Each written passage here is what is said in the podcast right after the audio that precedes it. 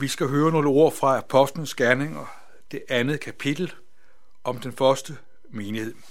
Vi læser fra vers 42 til vers 47. De holdt fast ved apostlenes lære og fællesskabet, ved brødets brydelse og ved bønderne. Hver en blev grebet af frygt, og der skete mange under og tegn ved apostlene. Men alle troende var sammen, og de var fælles om alt. De solgte deres ejendom og ejendele og delte ud til alle efter en værs behov. De kom i enighed i templet hver dag. Hjemme brød de brød og spiste sammen, og jublende og oprigtige af hjertet priste de Gud og havde hele folk ønst. Og Herren førte hver dag nogle til, som blev frelst. Vi får et fantastisk indblik i den første kristne menighed. Vi føres ind i det liv og den virkelighed, der var deres. Først får vi fokus på den kristne menigheds DNA. Vi hører, at der var fire B'er, de så at sige holdt fast ved. Det var Bibelen, det var brødrene, det var, det var fællesskabet, og øh, det var et fundament. Vi hører først, at de holdt fast ved apostlenes lære. At det at holde fast ved, det tænker jeg ofte over, når jeg er ude på et besøg som præst på et plejehjem. Når du kommer ind i et, en bolig, i et plejehjem, så sidder der ofte et, et ældre menneske i en bolig. De har måske før haft et hus med flere etager, og det betyder, at da de kommer ind i det der plejehjem, så må de øh, skille sig af med mange af de ting, de havde. De fleste ting må de give til deres familie eller sælge. Det, de får med ind i, i boligen i plejehjemmet, det er det, der betyder mest for dem. Det fortæller mig noget om, hvad det betyder at holde fast ved. Når du kommer ind i sådan en bolig, et plejehjem, der bliver du klar over, at det, som er på det værelse, det er det, der er mest vigtigt og mest værdifuldt for det menneske. At det har virkelig været en kamp at gøre sig klart, hvad kan jeg få med?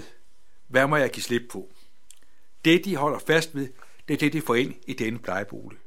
Sådan er det med de første kristne. De holdt fast ved apostlenes lære. De kunne ikke undvære evangeliet. De kunne ikke undvære det, Gud har at sige. De, har brug, de havde brug for at høre, hvad Gud har at sige. Derfor hører vi, at det øh, ikke kunne undvære det at have fokus på, hvad Bibelen siger.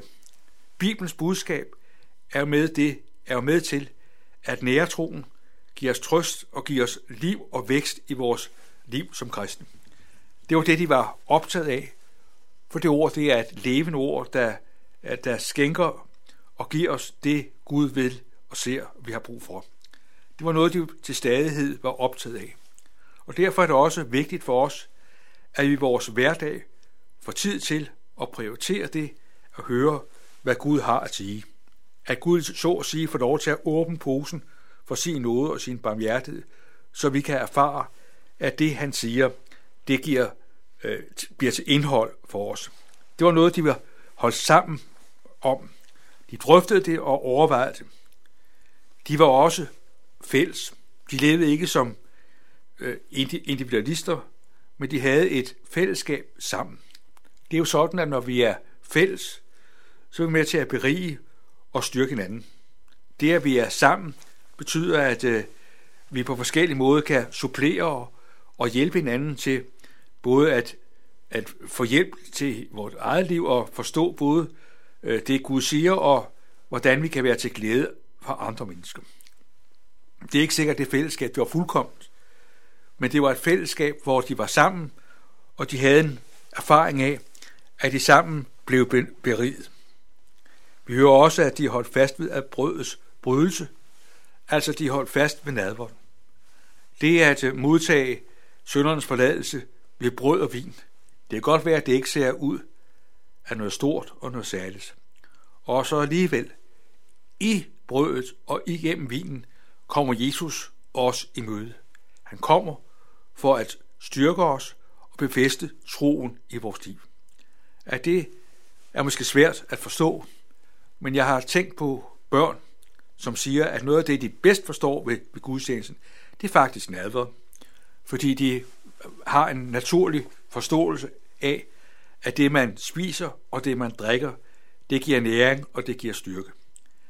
Øh, derfor er det fantastisk godt, at øh, vi også på den måde kan få lov til at åbne os for Guds nåde.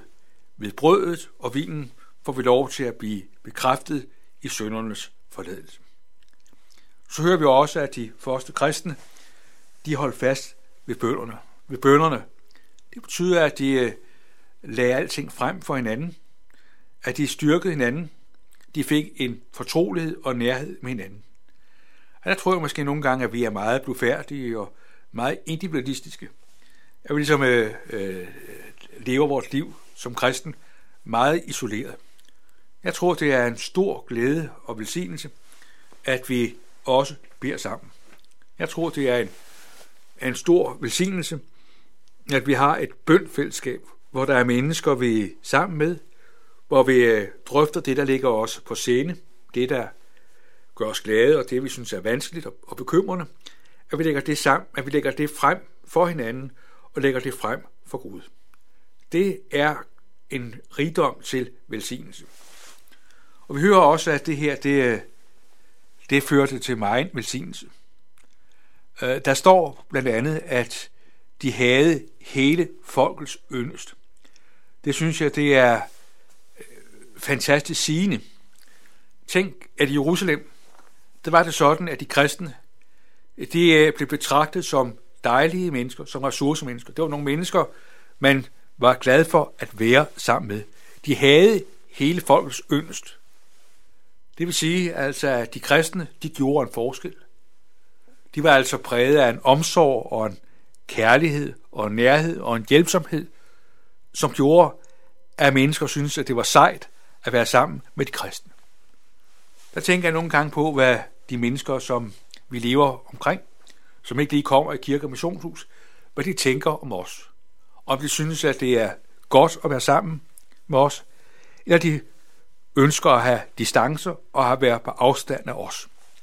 Er det, fordi vi skjuler os og lever meget isoleret, at mennesker ikke får syn for Guds godhed og Guds barmhjertighed? Her hører vi altså, at de havde hele folkets ønske. Det var noget, man talte om i Jerusalem. Tænk, det var, det var sådan øh, på den vej og den gade, hvor du bor, at det ligesom som betalt om de kristne.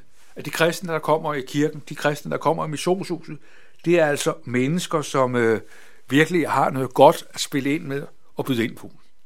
Sådan var det. De priste Gud, og så hører vi, at Herren får hver dag nogle til som befrelst.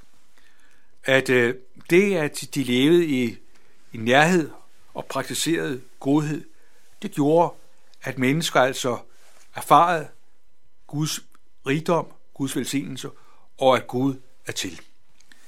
Øh, og der tror jeg virkelig, at vi har grund til at have fokus på, at øh, vi lever sammen med andre mennesker. At vi er lys og salt. Vi er sat til at afspejle Guds godhed. Øh, jeg synes, det er et stærkt billede af, være et, med et lys. Et lyset har jo en iboende kraft og en styrke. Lyset skinner for alle. Det er jo ikke sådan, at øh, lyset, det skinner ikke bare, det skinner ikke, øh, det skinner ikke, det skinner ikke bare for dem, der er vellykket, dem, der har styr på alt, og dem, som kan klare alt. Men lyset skinner også for dem, der har det svært, dem, der er på kant med loven og har vanskeligheder på den ene eller den anden måde. Et lys skinner for alle. Sådan får vi lov til at reflektere Guds godhed. Salt, det er udtryk for, at øh, saltet har en kraft til at, øh, at øh, bevare, og sådan er vi også sat til at være et værn mod ondskab og rådenskab og ødelæggelse på den ene og den anden måde. Det var noget, der kendetegnede de første kristne. Det var det, der var i spil. Og på den måde, der virkede det at være kristen tiltrækkende og dragende på omgivelserne. Og vi op, hører altså, at Gud altså greb ind igennem disse mennesker. Herren får hver dag nogle til som befrelst. Sådan står der ikke, at det sker hver eneste dag og i hver situation. Men det viser noget om, at Gud er levende, at Gud er realitet, og at Gud er den, der også vil virke gennem os. Der står også, at de, de første troende, de øh, delte det, de havde sammen. De var altså opmærksom på, at de ikke kunne leve for sig selv, men de var nødt til, eller ikke var nødt til, de så det som en, en naturlig nødvendighed at være sammen. De samledes i hjemme. Og jeg tror virkelig, at her har vi en udfordring til os. Det er, at vi møder hinanden i vores hjem, i vores lejlighed, i vores hus, det er med til at skabe en åbenhed og en fortrolighed. At øh, det, at man øh, kommer ind i hinandens hjem i mere end en forstand, det gør, at man øh, har mulighed for at kunne blotte sig og åbne sig, sådan at man ligesom kan komme ind på livet af hinanden. Jeg tror, at der kan være en fare for os, at vi kan leve i forstillelse. Også som kristne, at vi har fokus på, at mennesker må se, hvor vellykket vores liv er som kristne. Og det er jo ikke altid vellykket. Vi kender til svigt og fejl, og sønder og brist. Det vil måske gerne skjule for hinanden og skjule for andre. Og det kan måske være med til, at vores fællesskab øh, stivner og kommer til at blive noget, der har med former og, og stive traditioner at gøre. Det at øh, komme ind på livet af hinanden, det kan være med til at blødgøre nogle ting, så vi går ind på livet af hinanden. De første kristne, de var i hvert fald ikke bange for at blotte sig og være sårbare. I, den, I det, der så svagt og skrøbeligt ud, der mødte de Guds velsignelse. De var til hjælp, og de var til støtte for hinanden. Og de var ikke bange for at dele ud over for de mennesker, der havde brug for hjælp. At det var på den måde, at, at, øh, at menigheden fik lov til at være til velsignelse og vokse at de kristne de levede deres tro ud, at de øh, holdt fast ved det, Gud sagde. De bad sammen, øh, de, de mødte nadvåndens velsignelse, og de færdes med andre mennesker. Og på den måde, der blev Gud stor, og Gud består i andre menneskers liv. Jeg tror, det er godt for os også at have visioner om, at Gud vand, at både Gud kan og vil gribe ind til frelse og fornyelse, også blandt os.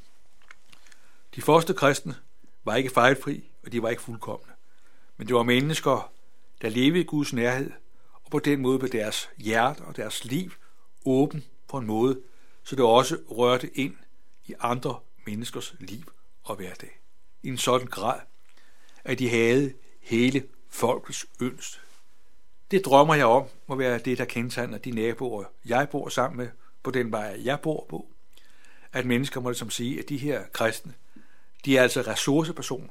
Det er altså mennesker, der er alt muligt grund til at være sammen med, fordi de formidler noget, som ingen andre har.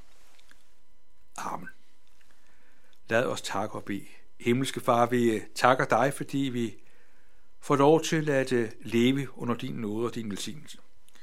Tak fordi, at vi får lov til at holde fast ved det, du siger, fordi det fører til liv og styrke. Tak fordi vi også har et kristen fællesskab, som vi kan støtte os, støtte hinanden i og berige hinanden ved. Vi takker dig, fordi vi får lov til at, øh, at få søndernes forladelse ragt igennem nadvåren. Vi takker dig, fordi vi får lov at lægge alting frem for dig i bøn. Vi beder om, at vi øh, ikke må leve i forstillelse, men i åbenhed øh, leve med hinanden, bære over med hinanden, hjælpe hinanden, tilgive hinanden. Og så beder vi om, at det også hos os må være sådan, at mennesker, i hvert fald nogle mennesker, må se, at, øh, at vi kristne, vi har virkelig noget godt at spille ind med. Og tak fordi du er den, der kan gribe ind i menneskers liv. Tak fordi du har gjort det i vores liv. Vi beder om, at det måske også i andres liv. Vi beder om, at du må velsigne os og være os nær. Amen.